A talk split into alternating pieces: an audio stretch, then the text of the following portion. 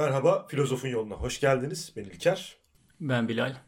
Filozofun yolunda Aristoteles konuşmaya devam ediyoruz. Bu haftaki konumuz da Aristoteles'in metafiziği olacak. Evet, biz Aristoteles'in bilgi felsefesine 3 program ayırdık geçen sefer. Konu fazla çetrefilli olduğu için ve ayrıntılı bilgi vermek istediğim için uzatmak durumunda kaldık ama e, en sonunda yaptığımız özetle temelde Aristoteles'in bilimi nasıl gördüğü, bilginin doğru ve geçerli bilginin nasıl üretildiğini, bu, bu e, üretim sırasında mantığın nasıl kullanıldığını gördük.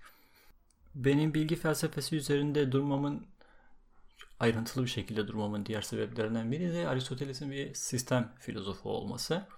Sistem filozofları hakkında daha önce de kabaca biraz değinmiştik. Sistem filozofları derken ne kastediyoruz? Kendi felsefesini belirleyen günümüz tabiriyle bir formülleri vardır. Ve o formülleri bütün felsefe alanlarını tatbik ederler. Bilim felsefesine, varlık felsefesine, ahlak felsefesine, devlet felsefesine hep benzer şeyleri tatbik ederler ve birbirlerine e, çok benzer öğeler bulunabilir bu felsefeler arasında. Aristoteles'ten önce gördüğümüz filozof hangisiydi? Platon'du. Hep tutarlılık bir tutarlılık içerisinde diyordu, ilerliyordu. Yani ruh kuramıyla bilgi kuramı uyum içerisindeydi. E, ikisi de ölümden bu dünyadan önce bir e, yaşanmış bir hayattan, idealar evreninden bahsediyordu ve bu yaşanmışlıklar ve bu evrenle bu dünyanın ilişkisi hep uyum içerisindeydi. Yani kendi teorisi içerisinde. Aristoteles de bir sistem filozofu. Onun sistemini anlamaya başladığımız bilgi felsefesinin ayrıntılarına da o yüzden biraz fazla durdum. Metafiziğinde de aynı şeyi göreceğiz. Metafiziğinin dalları mı diyeyim, branşları mı diyeyim, branşlarında da benzerlikler olduğunu bu programdan itibaren göreceğiz. Yine onun bilgi felsefesinden biraz bahsederek metafiziğine bir giriş yapayım. Aralarındaki ilişkiyi de konuştukça fark etmeye başlayacağız hep beraber. Onun bilimleri bir bir sınıflama yaptığından, bir ayrım içerisine girdiğinden bahsetmiştik hatırlıyorsan İlker.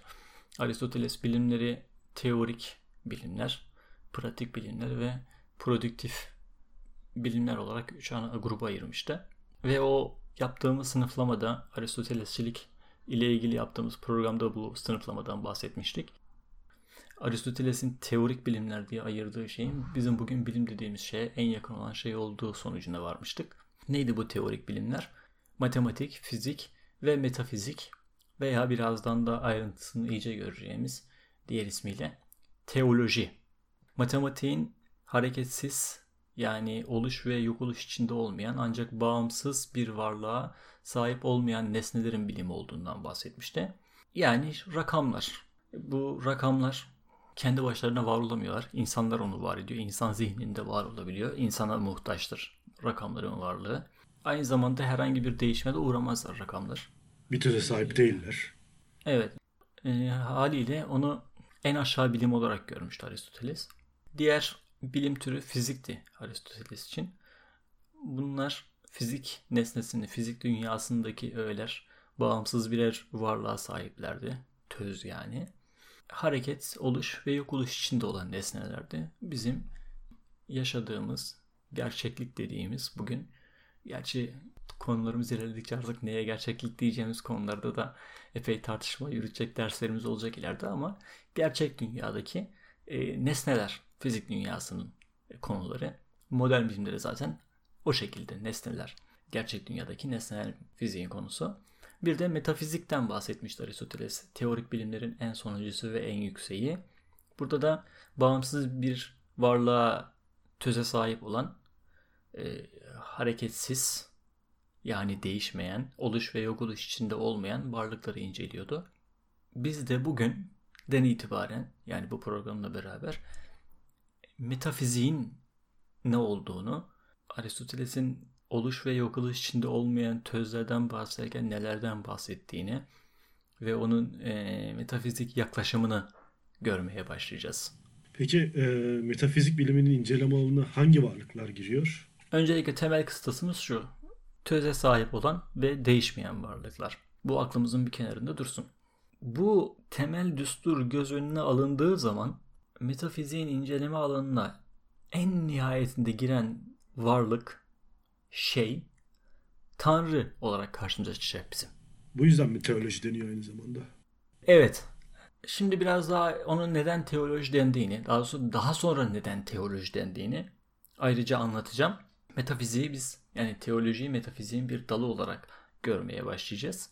Tanrı kuramına ayrıca değineceğiz ama onun Tanrı'dan Tanrı derken neyi kastettiğini kısaca anlatmamız gerekirse ayüstü alemde bulunan kendi kendini düşünen saf bir akıl olarak karşımıza çıkacak ve felsefe, metafizik temel amacı bu saf aklı incelemektir. Onu öğrenmek amacıyla. Yani onun temel nes metafiziğin temel nesnesi Tanrı olarak karşımıza çıkacak ve ayüstü alemdeki diğer gök cisimleri. Çünkü onlar da tanrısal bir akıldan, faal akıldan nasiplenecekler ve beraberinde ayüstü alemdeki bütün varlıklar metafiziğin konusu olacak. Fakat daha sonraki sınıflamalarda bu kısmın yani tanrısal alem, ayüstü alem dediğimiz e, ve Tanrı'nın incelendiği alan teoloji olarak bizim karşımıza çıkacak. Bunu ayrı bir bilim olarak artık görmeye başlayacağız. Metafiziğin diğer bir konusu nedir? Hocası Platon'un idealar dediği gerçek varlıkların Aristoteles'in de inceleme konusu olacak ama bu e, daha önceki programlarımızda da kısaca değindik. İdea olarak değil de formlar olarak Aristoteles'in metafiziğinde yer alacaklar bu isimle. Tabi sadece ismi değişmeyecek. Nitelikleri de değişecek bunun. Özellikleri de değişecek formunun görece. Ve metafiziğin temel inceleme konusu olacak. Ve burada artık metafizik değil ontoloji demeye başlayacağız. Varlıkların e, incelenmesi bilimi olarak karşımıza çıkmaya başlayacak artık. Son olarak da insana dışarıdan gelen faal aklın bir tanrısal özellik taşımasının itibariyle e, metafiziğin inceleme konusu olduğunu, metafizik içerisinde bir e, metafizik içerisinde incelendiğini göreceğiz. Temelde metafizik yani ontoloji ve metafiziği ontoloji ve teoloji olarak ayıracağız. Biz bu programda ontolojiyi göreceğiz. Aristoteles'in ontolojisini ve daha sonra da teolojisi için ayrı bir program yapacağız.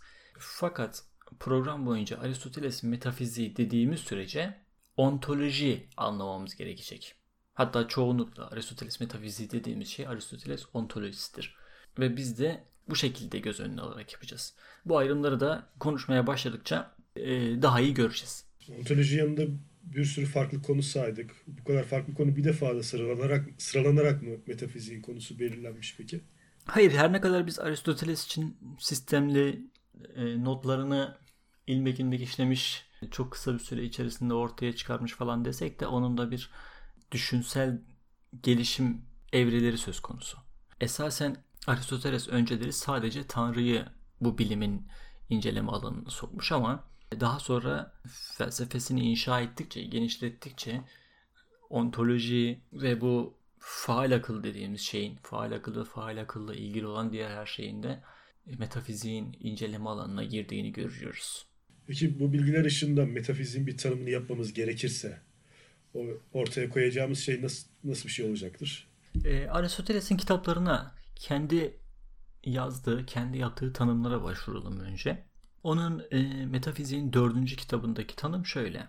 Varlık bakımından varlığı ve ona özü gereği ait olan ana nitelikleri inceleyen bir bilimdir metafizik. Aristoteles'e göre. Bunun yanında o varlığın ilk ilkelerinin incelenmesi bilimidir. Neydi bu ilk ilkeler? Özdeşlik, çelişmezlik, üçüncü halin olmazlığı.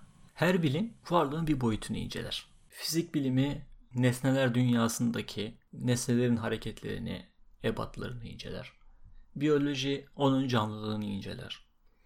Kimya onun moleküler yapısını inceler.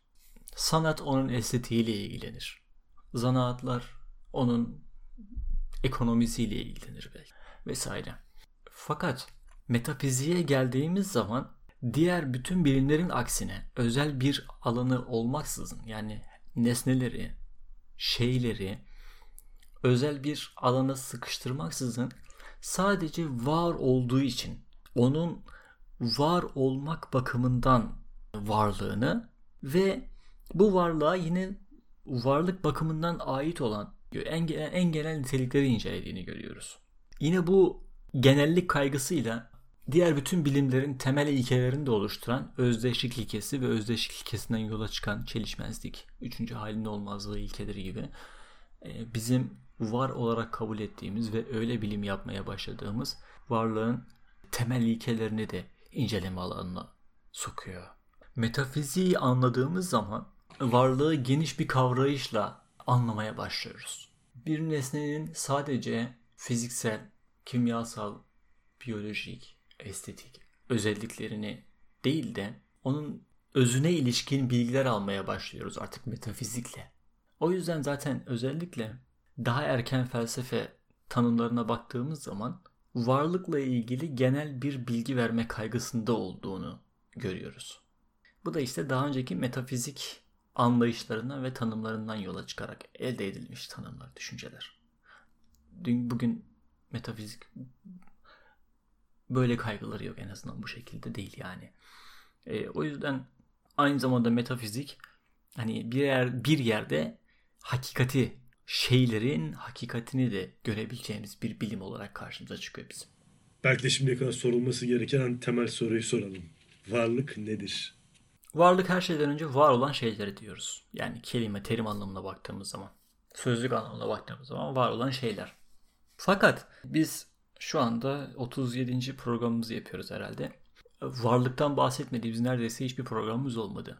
Ve neredeyse her bir programda varlığı başka bir anlamda ele aldık. Felsefe tarihini en baştan incelemeye başladığımız için filozofların varlığa neler, ne anlamlar yüklediğini anlatmaktan bahsediyorum.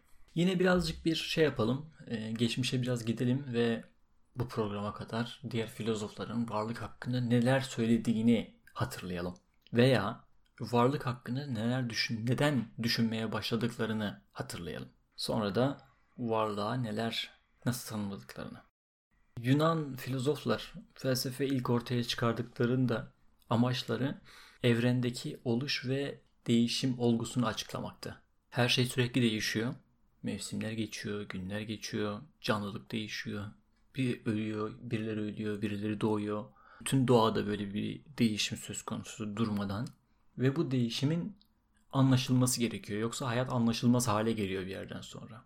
Biz bugün her şeye bilimin konusu yaparak kanunlar, takvimler belirleyerek dünyadaki değişimi anlıyoruz. Mesela mevsim olgusunun olmadığını düşün. Ay, yıl olgusunun olmadığını düşün. Bugünkü anlamıyla fizik, biyoloji, kimya bilgimizin olmadığını düşün. Dünyada sürekli bir şeyler değişiyor. Bir gün güneş açıyor, bir gün yağmur yağıyor, bir gün soğuk, bir gün sıcak, bir gün fırtına oluyor, bir gün deprem oluyor. Bir de ilkel çağlardan bahsediyoruz. Erken dönem çağlardan.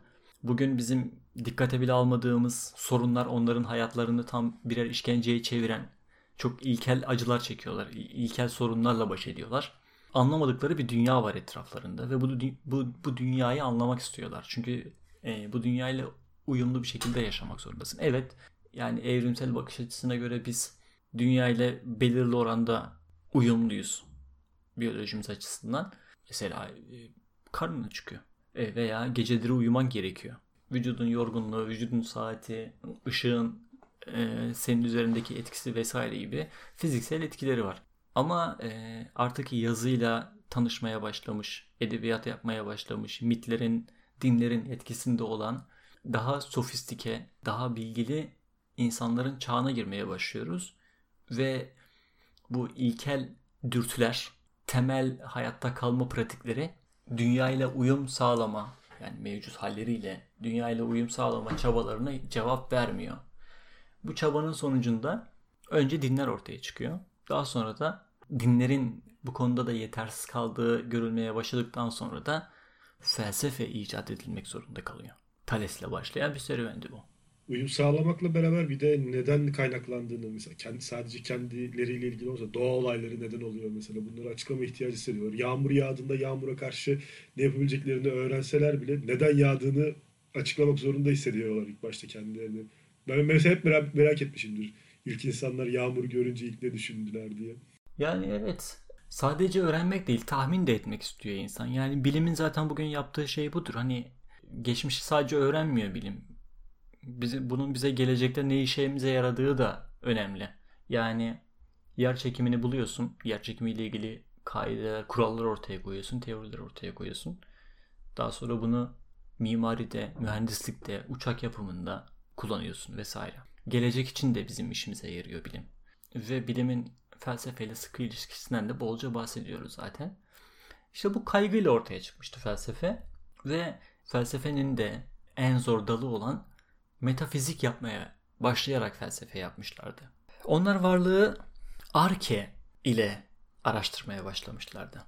Değişen, dönüşen dünyanın, değişen, dönüşen şeylerin arkasında değişmeyen bir şeyler olduğunu düşünüyorlardı. Thales bu şeye, arkeye su demişti. Anaximenes hava demişti. Anaximandros da ne olduğu belli olmayan bizim bilemeyeceğimiz aperion demişti buna. Ve bunların karşısına Herakleitos dikilmişti. Herakleitos değişimin kendisine teslim olmuştu ve değişimi de bu değişime en uygun olarak gördüğü element olan ateşle açıklamaya girmişti. Ve varlığın olmadığını iddia etmeye başlamıştı ve olumu oluşu yani varlığı reddetmiş ve sadece oluştan bahsetmişti. Herakleitos'un karşısında da Parmenides gelmişti ve ortadan kaldırılmak istenen varlık algısını tekrar yerine konması gerektiğini söylemişti ve varlık vardır demişti. Herakleitos'un aksine. Varlık öyle bir vardı ki her şey varlıktan ibaretti ve boşluk yoktu. Fakat varlık vardır, boşluk yoktur demek varlıktaki değişimi açıklamak için yetersizdi. Yine de onun bu varlık vardır anlayışı Platon'a ilham olmuştu. Ve Platon'un da Sokrates'in ahlaki erdemlerin varlığıyla ilgili düşünceleri onun varlığın idealardan oluştuğu fikrine götürmüştü. Yani idealar dediğimiz şey Platon aynı zamanda bu savıyla idealizmin de kurucusu olmuştu. İdealizm kabaca nedir? Gerçekliğin düşünceyle belirlendiği veya düşünceden ibaret olduğu. Çok kaba bir tabir bu. Felsefe sözlükleri edindiyseniz felsefe sözlüklerini okuyun. Muhtemelen en az 10 sayfa açıklama göreceksiniz idealizmle ilgili. O yüzden benim 4 kelimelik tanımma kulak asmayın ama temel bir kaydı olarak alabilirsiniz bunu. Gerçekliğin düşünce ile belirlendiği ana düşüncesi üzerine kurulan bir düşünce sistemidir. İdealizm. Ve varlığı aynı ahlaki erdemler gibi var olduğuna inandığı idealarla açıklamıştı. Fakat onun da yine değişim açıklama ile ilgili sıkıntıları vardı. Platon'dan önce çoğulcu materyalistler de denemeler yapmışlardı. Kimdi bunlar? Empedokles, su, ateş, hava, toprak dörtlüsünden bahsetmişti. Varlığın bunların e, uyumundan beraber bir araya gelmesinden ve ayrılmasından oluştuğunu söylemişti. Anaxagoras tohumlardan bahsetmişti. Demokritos atom kuramını ortaya atmıştı. Ve varlığın atomların bir araya gelmesi ve ayrılmasıyla açıklamıştı ama Aristoteles'e göre bu açıklama sadece varlığın küçük parçalarının yer değiştirmesinden ibaretti. Onun değişme dediği şey bir şeyin doğasının kendisinde gerçek bir değişme olması, bir başkalaşma meydana getirmesiyle. Haliyle Aristoteles de bu geleneğin bir takipçisi olarak bu varlık felsefesi, bu metafizik anlayışının bir takipçisi ve bir devrimcisi olarak varlık felsefesini kendinden önceki sözlerin üzerine yeni şeyler ekleyerek ve bu düşünceleri geliştirerek ortaya koyacaktı. Ve bunun yapmasının o geleneğin bir üyesi olarak en iyi yolu değişimi en iyi açıklamaktı. Değişimi en iyi açıklayan, değişimi en doğru açıklayabilen filozof varlık felsefesi en doğru olan filozof olacaktı. Varlık nedir? Varlığın daha doğrusu neyinden bahsediyorduk? Biz niteliğinden bahsediyorduk. Yani bu niteliğin tanımlanması gerekiyordu önce. Bu değişimin açıklanması için önce varlığın tam olarak ne olduğu. Çünkü mesela bir var olan şeyler diyoruz ama var olan şeyleri bile sınıflandırabiliriz. Düşüncede var olmak, gerçekte var olmak, başka bir dünyada var olmak, idealar dünyası gibi veya tanrısal alemlerde aşkınsal bir varlık. Mesela kitaplarda var olmak. Mesela sözde var olmak. Benim konuşmamla var olan şeyler vardır, kelimeler gibi. Bunlar biraz daha tabii modern yaklaşımlar bu söylediğim verdiğim örnekler. E, haliyle varlığın ne olduğu, varlığın neleri kapsadığı veya varlığın çeşitlerinin belirlenmesi, değişimin kaidelerinin belirlenmesi ve bunların açıklanması gerekiyordu. Önce varlığın gerçeklik derecelerini hangisine gerçek hangisine sahte kopya diyeceğiz. Platon da bunu yapıyordu. En gerçek şeylerin idealar. Bizim bugün gerçek dediğimiz şeylerin kopya. Bizim bugün sanat dediğimiz şeylerin kopyanın kopyası olduğu gibi sınıflamalara girmişler. Aristoteles'e de bir varlık hiyerarşisi yer alacak. Sonra varlığın zamanda birbirini izleyen gerçeklik dereceleri olduğundan bahsedecektir. Madde ve form ilişkisi, kuvve ve fiil ilişkisi gibi. Ee, bilim felsefesinde bunu çokça konuştuk. Bilim felsefesinin bilimin konusu olan şeyler değişmeyen şeylerdi. Yani tümellerde, genel şeylerde. Yani Ahmet Mehmet değil de insandı bilimin konusu. A kedisi B kedisi değil de kediydi bilimin konusu.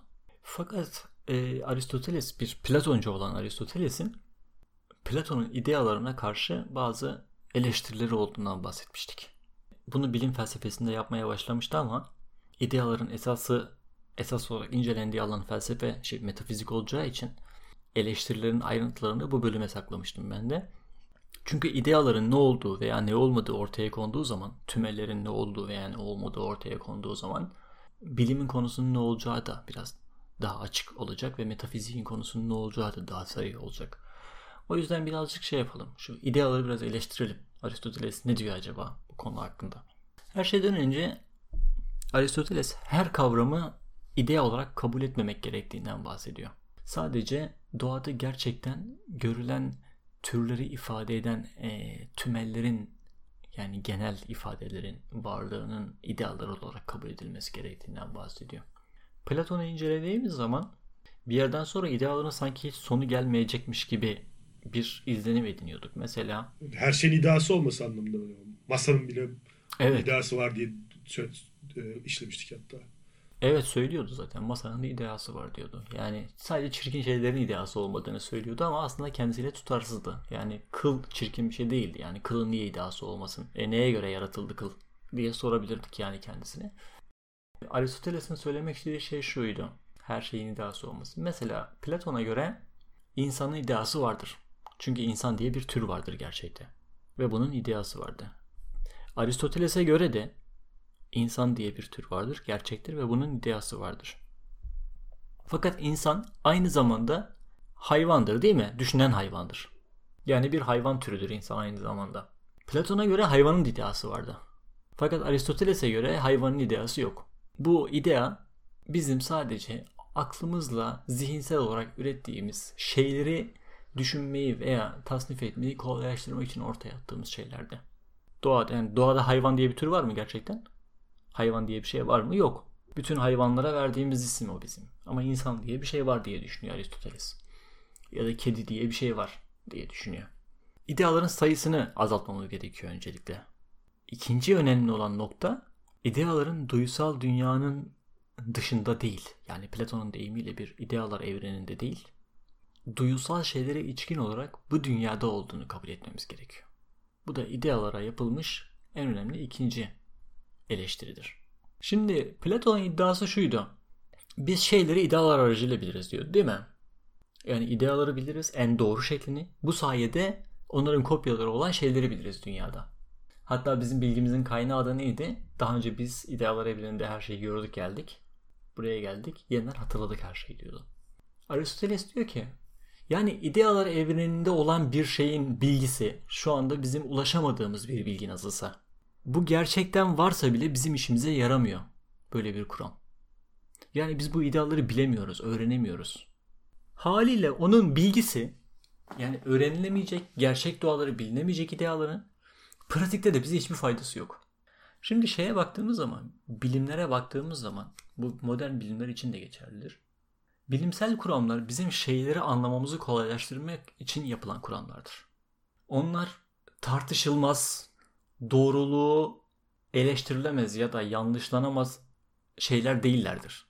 Kanunlar değillerdir. Zaten bilim dünyası neredeyse 100 yıldır kanun lafını kullanmaz. Artık law, kanun geçmez yani biz hala evrim şey, yer kanunu falan diyoruz hala sözde ama yer çekimi kanunu diye bir şey yok yani teoridir o sadece yani tabi teori demem alçaltmasın lafını bu arada şeyinin değerini alçaltmasın çok önemli bir teori.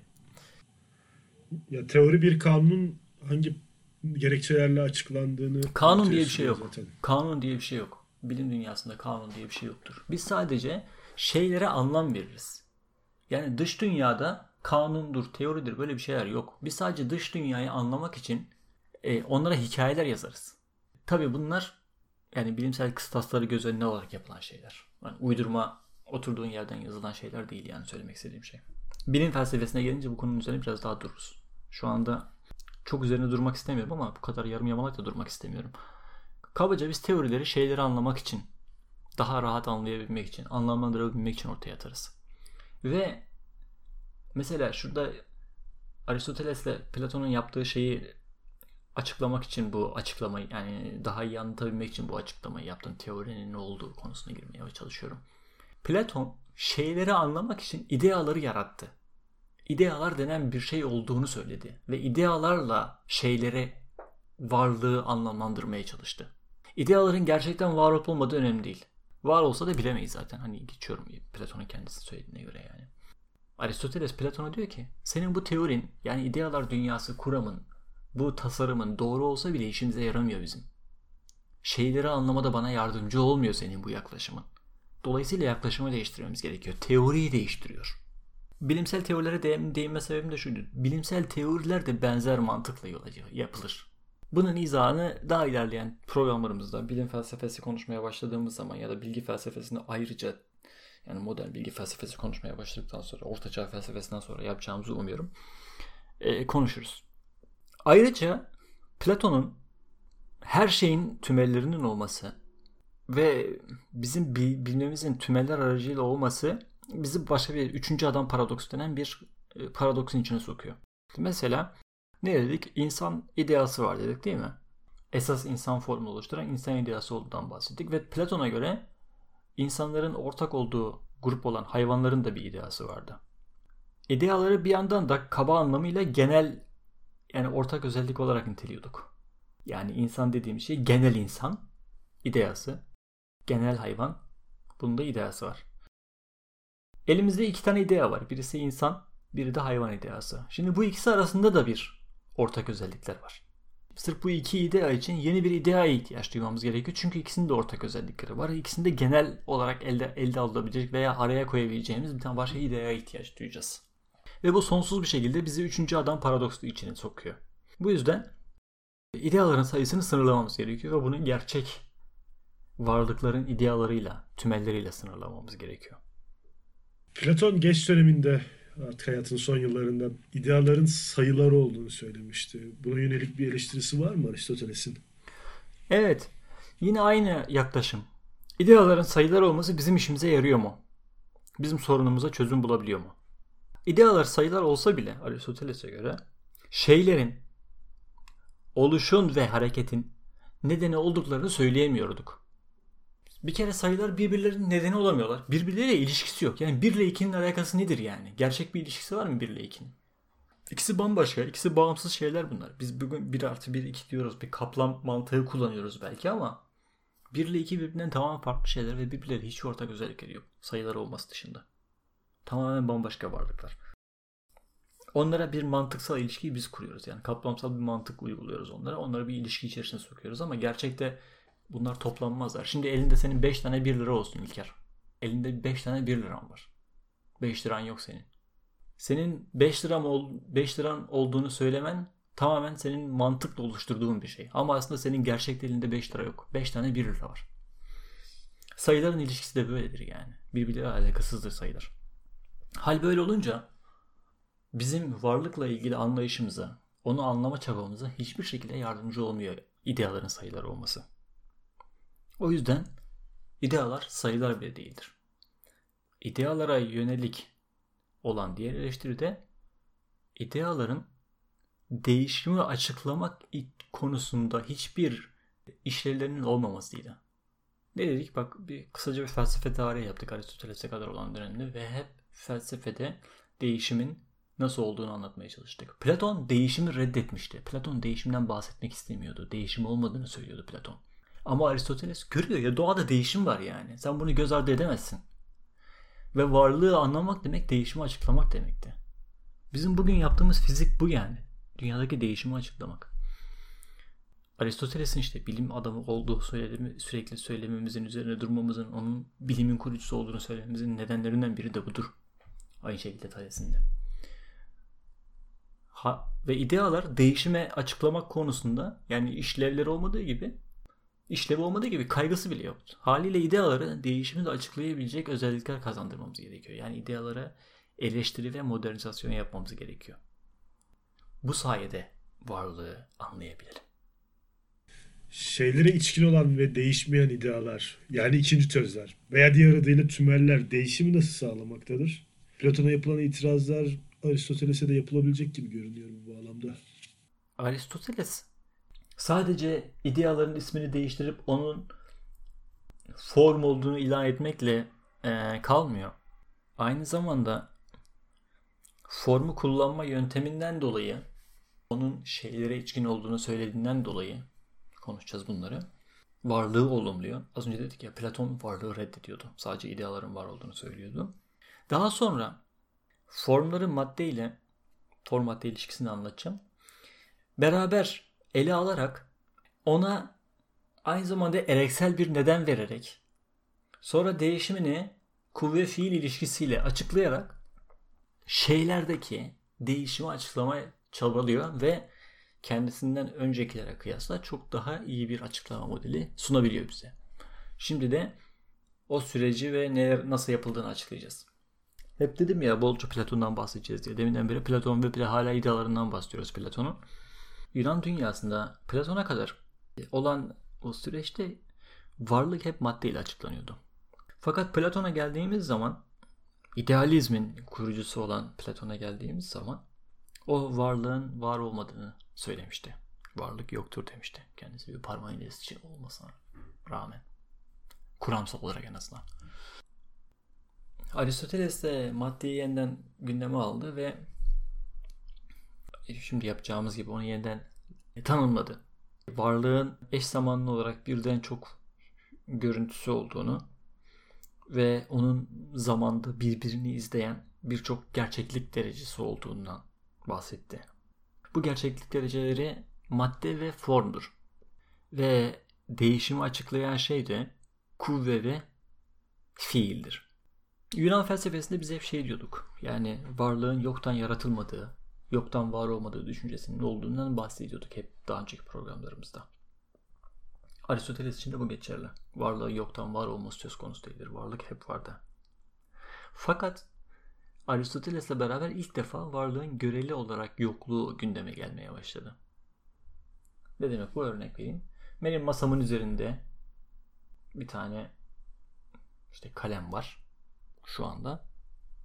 Kalemi alıyorum. Çekmeceye koyuyorum. Benim masamın üzerinde bir kalem yok artık. Göreli olarak yok. Yani o kalemi ortadan kaybetmiyorum ben. Kalemin varlığını nihayete erdirmiyorum. Bu çok basit gibi görünebilir ama hani işte 2500 yıl öncesine gittiğimiz zaman evet ya adam haklıymış e, şeklinde karşımıza çıkıyor. Yani e, şey insanların kendini bazı şeylerde ifade etmesi gerekiyor. Yani bu temel ayrımlar olmadığı için felsefe yapmakta da zorlanıyor insanlar. Bu ayrımların bu, temel e, değişimlerin de e, yapılması gerekiyordu. Bunlar da zaman içerisinde olan şeylerdi. Çok bizim bugün gülüp geçtiğimiz şeyler o zaman da buluş olarak karşımıza çıkıyor yani. Oluş ve değişim de Aristoteles'e göre bu göreli anlamda yokluktan yani madde ve kuvveden gerçek anlamda varlığa yani forma ve fiile gidiş olarak karşımıza çıkıyor. Anlattıkça anlaşılacak bunlar. Daha anlaşılır hale gelecek. Değişim Aristoteles'e göre dört şekilde yapılabiliyor. Dört, değiş, dört değişik değişim, dört farklı değişim vardır. Bunlardan bir tanesi yer değiştirmedir. Şeylerin yer değiştirmesi. Bir tanesi niteliklerin değişmesidir. Bir şeyin sıcakken soğuk olması. Bir tanesi büyümektir. Bir bebeğin büyümesi. Bir tohumun ağaca dönüşmesi. Bir şey de oluş ve yok oluştur. İnsanın doğup ortaya çıkması, ölüp yok olması. Şu tanım tekrar herhalde e, bol bol bilim felsefesinde kullanmış olduk olduğumuzdan hemen e, çağrışım gelecektir. Hemen bu bahsettiğim sistem filozofu ne demek olduğu bu tanımla biraz daha okuyacağım tanımla biraz daha anlaşılır olacaktır söylemek istediğim şey. Bir özneye, töze yüklenmiş olmaksızın bir niteliğin yani kategorinin varlığı ne kadar imkansızsa bir nitelikle yüklenmemiş bir öznenin varlığı da o kadar imkansızdır. Ne demek bu söz? Mesela kategorilerden bir tanesi renkti değil mi? Yani renklerden renkler de kategorilerden bir tanesiydi. Ana ana kategori değildi. Niteliklerden biriydi yani. Mesela biz renkleri hep nasıl görüyoruz? Bir şeylerin renk aldığı şeklinde görüyoruz değil mi yani? Kağıt renk sahibi, mobilya rengidir, yaprağın rengidir, kırmızı düşünelim yani. Kırmızı, elbise kırmızıdır. Biz doğada kırmızıyı kendi başına görüyor muyuz? Aklımıza boya gelebilir ama hani boya da nihayetinde kimyasal Doğada, bir şey. doğada kırmızı rengiyle bulunan bir şey mi diyorsun? Hayır, bulunamayan bir şey. Yani renk kendi başına var olamayan bir şey. E, onu sor- sordum ben de. Yani doğada kırmızı rengiyle bul bir şey bul- bulunamaz diyorsun yani. Hayır, kırmızı rengiyle bir şey değil. Kırmızının kendisi anladım, maddeden anladım, tamamen tamam. bağımsız. Anladım. Ya da mesela uzun. Değil mi? Uzun bir sopa görürsün. Uzun bir hayvan görürsün. Veya uzun bir yılan neyse. Ama uzunu kendi başına görebiliyor musun doğada? Göremiyorsun. Yani Yorgun. Yorgun insan görürsün. Yorgun hayvan görürsün. Yorgun felsefe terimleri görürsün. Yani sıfatlar yani sıf- sıfatlar bir şeyin nit- Nitelikler niteliği işte yok. kategoriler. Kategoriler. Tamam mı? Bu aynı şekilde herhangi bir nitelik sahibi olmayan özne de söz konusu değildir. Mesela hiçbir hiçbir özne, hiçbir hiçbir sıfata, hiçbir yükleme sahip olmayan bir özne düşünebiliyor musun yani? Bir insan ama hiçbir niteliğe sahip, hiçbir niteliği olmayan bir insan. Dünyanın en özelliksiz adamı bile bir, bir tanımlayabilecek. En ortalama. Onun bile bir ton özelliği var. Yani e, özneler bile şeye ihtiyaç duyar. Yani niteliğe, sıfata ihtiyaç duyar. Yükleme ihtiyaç duyar. Şimdi bu, bu, bu, bu- bu- bunu niye anlattım?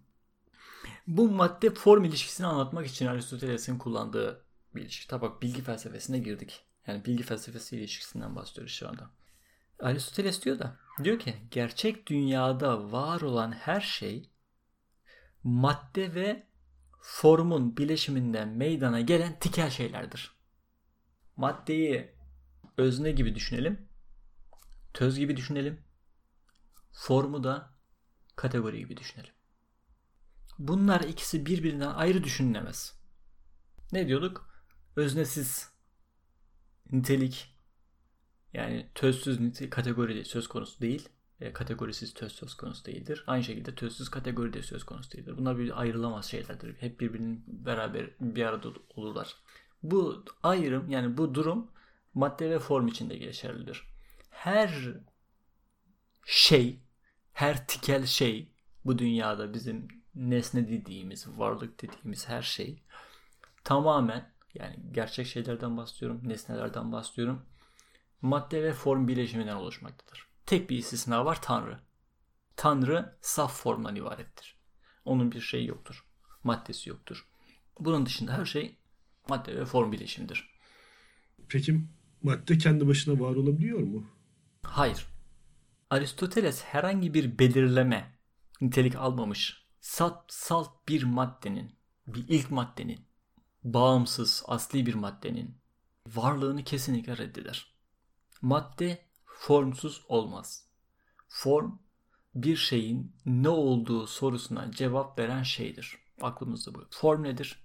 Bir şey nedir sorusuna sorduğumuz zaman aldığımız bütün cevaplar formlardır.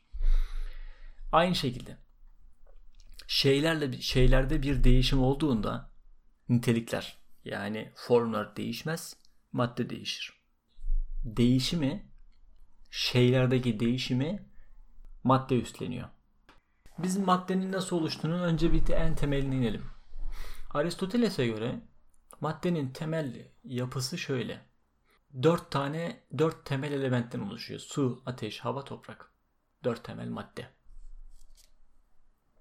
Bunlar da aslında belirsiz bir maddeden oluşuyor. Ne olduğunu bilmiyoruz, öğrenemiyoruz. Ne diyoruz deminden beri? Maddeler, şeyler formsuz yani niteliksiz olmaz. Her şeyin bir niteliği olmak zorundadır. Bu bizim temel dört tane maddemizin de temel dört tane özelliği var. Niteliği yani formu. Sıcak, soğuk, kuru, yaş. Su, yaş. Ateş, sıcak. Hava, soğuk.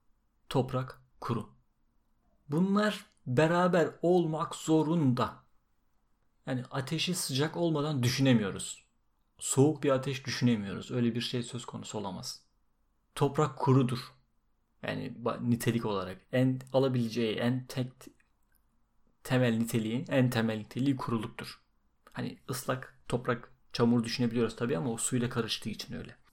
Salt olarak toprağı ele aldığımız zaman onun temel özelliği kuruluktur Aristoteles'e göre. Ve bu dört tane temel unsurdan geriye gidemiyoruz. Bu madde form ilişkisini an...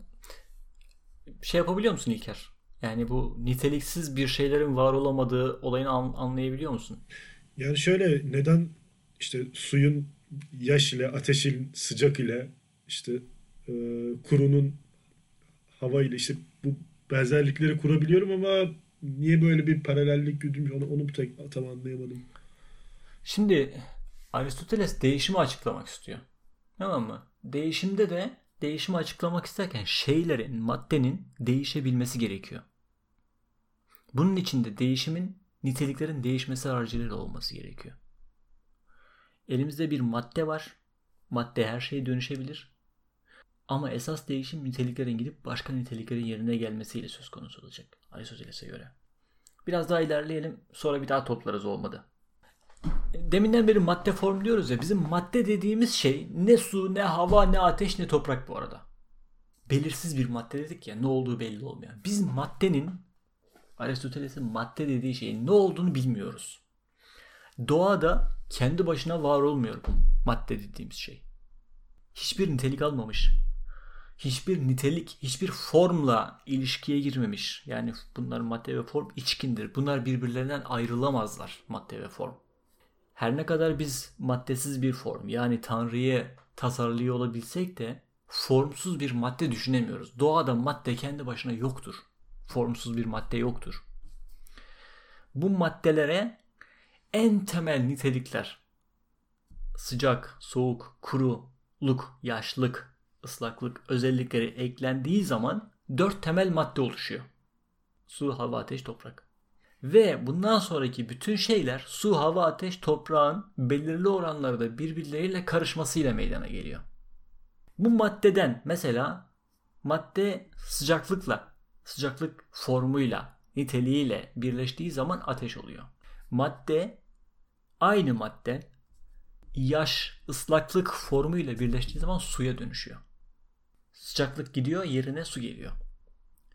Ve madde de yeni nitelikle uyum sağlayıp yeni değişik bir şey oluşturuyor. Değişim de böyle meydana geliyor. Buna da geleceğiz şimdi. Maddeyi biz öğrenemiyoruz. Onun gerçek varlığını, ne olduğunu öğrenemeyiz. Çünkü doğada kendi başına var olamıyor. Peki biz maddeden nasıl böyle bahsedebiliyoruz? Ancak biz bunu zihinsel olarak ayırarak maddenin varlığından bahsedebiliyoruz diyor Aristoteles. Soyutlayabiliyoruz. Soyutlayarak bahsedebiliyoruz maddenin varlığından. Tıpkı mesela hayvanın varlığını konuşabildiğimiz gibi. Dışarı dış, dış, dış dünyada hayvan diye bir şey yok gerçekte. Tümel olarak da yok yani. Hayvan diye bir hayvan da yok.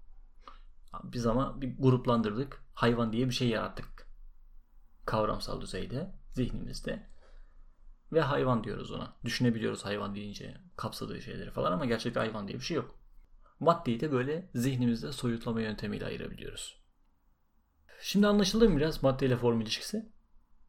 Yani biraz karışık geldi açıkçası. Ee, bunu bunu anlamamız lazım. Yani sen de senin de bunu anlaman lazım. Madde ve form ilişkisi. Bu konuştuğumuz konuları başa alalım. Madde ve form. Yani çıkış noktamız neydi? İdealardı. Aristoteles ne diyordu? Her şeyin gerçeği idealardı. Dünyadakiler de onun kopyası sahtesiydi. Bunlar varlık bile değil diyor. Bizim sadece zihnimizde olan şeyler diyor. Gerçekler idealar. İdealar vardır ama bu dünyadadır. Nerede bu idealar? Bunlar nitelik olarak bizim karşımıza çıkıyor. Ve buna form diyor Aristoteles. Bizim bugün nitelik dediğimiz şey eşittir form kabaca. En temelde. Teorik düzeyde böyle değil tabii. Yani teorik düzey dediğim hani felsefe e, terminolojisi içerisinde böyle bir eşittir çekemiyoruz yani buna. Aristoteles'in ideaları bizim karşımıza nitelik olarak çıkıyor. Ve Aristoteles bunlara form diyor. Ve formu maddeyle içkin hale getirebilmek için yani şeylere içkin hale getirebilmek için e, madde ile madde denen bir şeyden bahsediyor. Ayrıca hani bizim madde dediğimiz şey bugün Aristoteles'in madde dediği şey bizim bilmediğimiz bir şey. Bizim ne olduğunu bilemeyeceğimiz, öğrenemeyeceğimiz bir şey. Doğada kendi başına var olamayan bir şey. Sadece zihinsel düzeyde bir ayrım yapabiliyoruz. Bu maddeyle form bir ilişkiye giriyor ve şeyler oluşuyor. Nesneler oluşuyor. Yani maddenin temeli su, hava, ateş, toprak. Daha sonra bu su, hava, ateş, topraktan da diğer varlıklar değişik oranlarda karışımıyla Empedoklas'ın söylediği gibi diğer nesneler oluşuyor. Ve değişim de mesela bir suyun sıcakken soğuk olması. Bunda birçok nitelik var değil mi? Islaklık var. Islaklık niteliği kalmaya devam edecek. Ama soğukluk niteliği gidecek. Yerine sıcaklık niteliği gelecek. Bunları sırtında taşıyan, bu nitelikleri üzerinde taşıyan şey madde. Tözler nasıl bütün kategorileri üzerinde barındırıyordu değil mi? Kategoriler her zaman bir töze ihtiyaç duyuyordu. Tözler de her zaman kategorilerin varlığına ihtiyaç duyuyordu. Aynı şekilde madde de burada töz gibi bizim karşımıza çıkıyor. Tözün aynı şekilde kategorileri üzerine sırtlaması gibi madde de formları yani nitelikleri üzerine alıyor ve böylece kendisi değişerek doğadaki değişimi gerçekleştiriyor. Konuştukça daha anlaşılır hale gelecek bu. Varlıklarda bir dere, e, varlıklarda bir derecelendirme sistemi kullandığından bahsetmiştik. E, Platon'a benzer bir varlık hiyerarşisi var mı Aristoteles'in? Evet.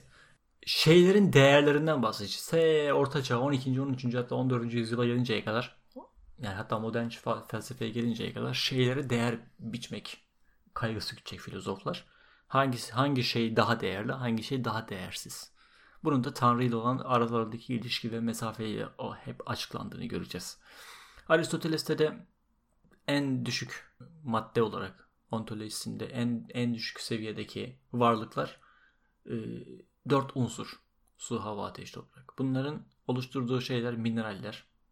Daha sonra minerallerin oluşturduğu şeyler bitkiler. Onların bir üstündeki şeyler hayvanlar. Onların bir üstündeki nesneler de ay altı aleminde aynı zamanda en yüksek derecesinde olan insanlar oluşturacak.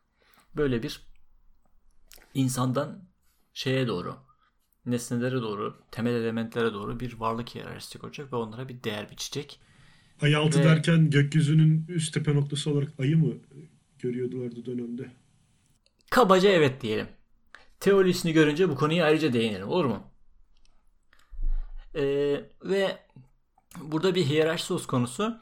Bu madde madde form hiyerarşisi söz konusu. Ee, derece yükseldikçe veya dere, derece içerisinde dereceler hani en tepeden en yukarıya yani dört unsurdan insana gidip geldikçe bir şeyin formu diğerinin maddesi olabiliyor. Mesela örnek bir şey örnek bir şey kuralım. Sıralama yapalım. Mesela en altta salt madde dedik değil mi? Salt madde e, şey salt madde kendi başına var olmuyor. Belirsiz bir maddeden bahsediyordu Aristoteles.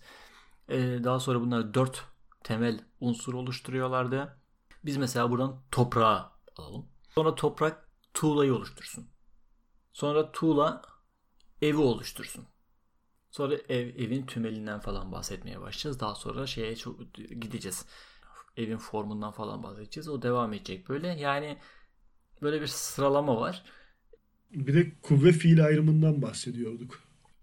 Şeyleri statik olarak ele aldığımızda onların bir madde form oluşumu olduğunu söylememize karşın onları eğer biz dinamik açıdan yani bir oluş içerisinde ele almamız gerekiyorsa bir kuvve fiil kavramlarına başvurmamız gerekecek. Aristoteles'in kurduğu felsefede. Yani tamam değişim değişim ve madde form ilişkisiyle açıkladık az önce ama bu her zaman şey değil. Yani mesela bir insanın büyümesi.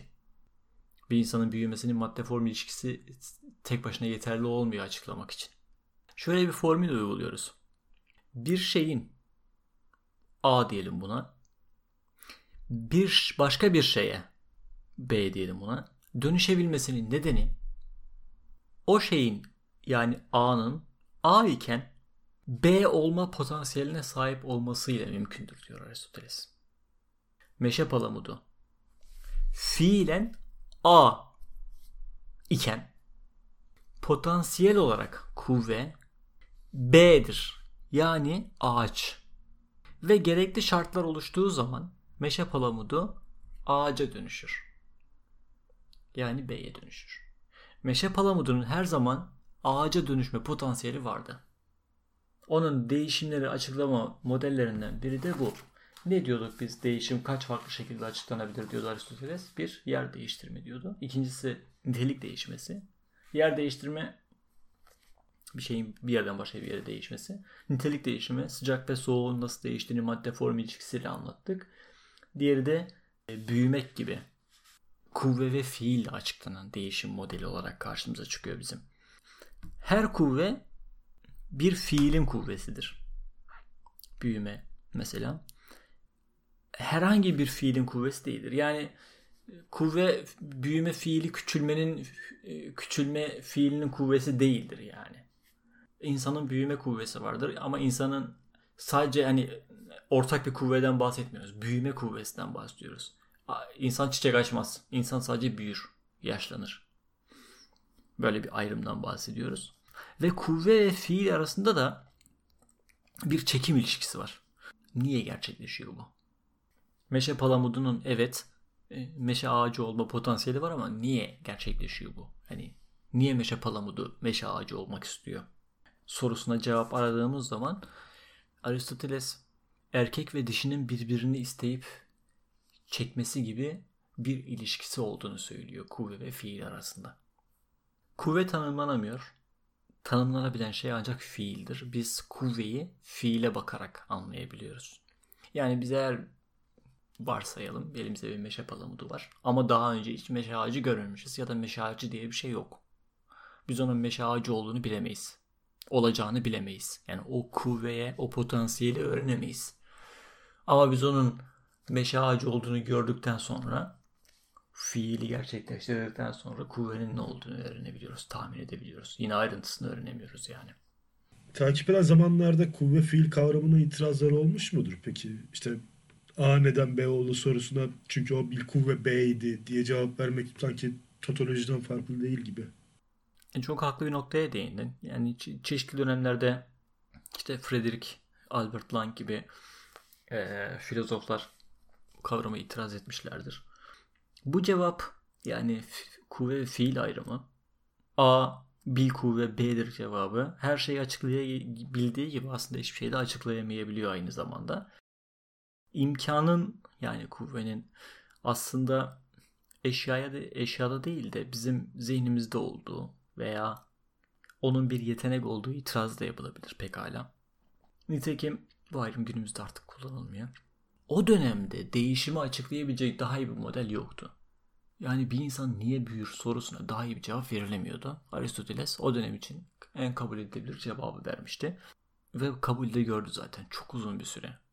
Daha sonra bilimin gelişmesiyle artık bazı konulara daha sarı e, cevaplar vermeye başladık.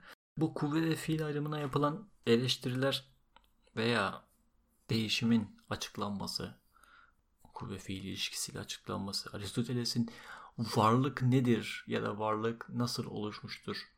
Yani niteliği nedir? Varlık deyince deminden beri yaptığımız o madde form ilişkisi, idealar vesaire gibi verdiği cevaplar kadar tatmin edici olmasa da dönemi için e, çığır açıcı bir cevaptı bu. Ve e, bilimin de tetikleyicisi olacak aynı zamanda.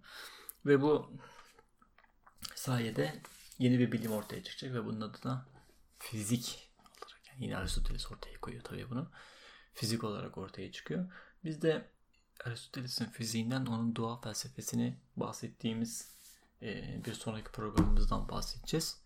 Ve daha önce söz verdiğim gibi teolojisi içinde yani Tanrı kuramı içinde ayüstü alem, ayaltı alem, e, sonra ereksel neden, dört neden, fail neden gibi konulara gireceğimiz bölümleri önümüzdeki iki programda konuşacağız. Bir tanesi doğa felsefesi, bir tanesi de tanrı felsefesi ya da teolojisi diyeceğimiz iki, daha, iki tane daha program yaparak onun metafiziğini tamamlamış olacağız. Var mı sorun? Bunu senin de bir daha dinlemen lazım bu programı İlker. Biraz Aristoteles ilk başta Dinlemem gerekecek. biraz Katılıyorum ben de. ha- hazmetmesi hazmetmesi gerçekten biraz şey e, zor baksana şimdiye kadar herhalde yaptığımız en uzun program bu oldu. O zaman bir sonraki programda görüşmek üzere. Notlara göz gezdirmeyi unutmayın.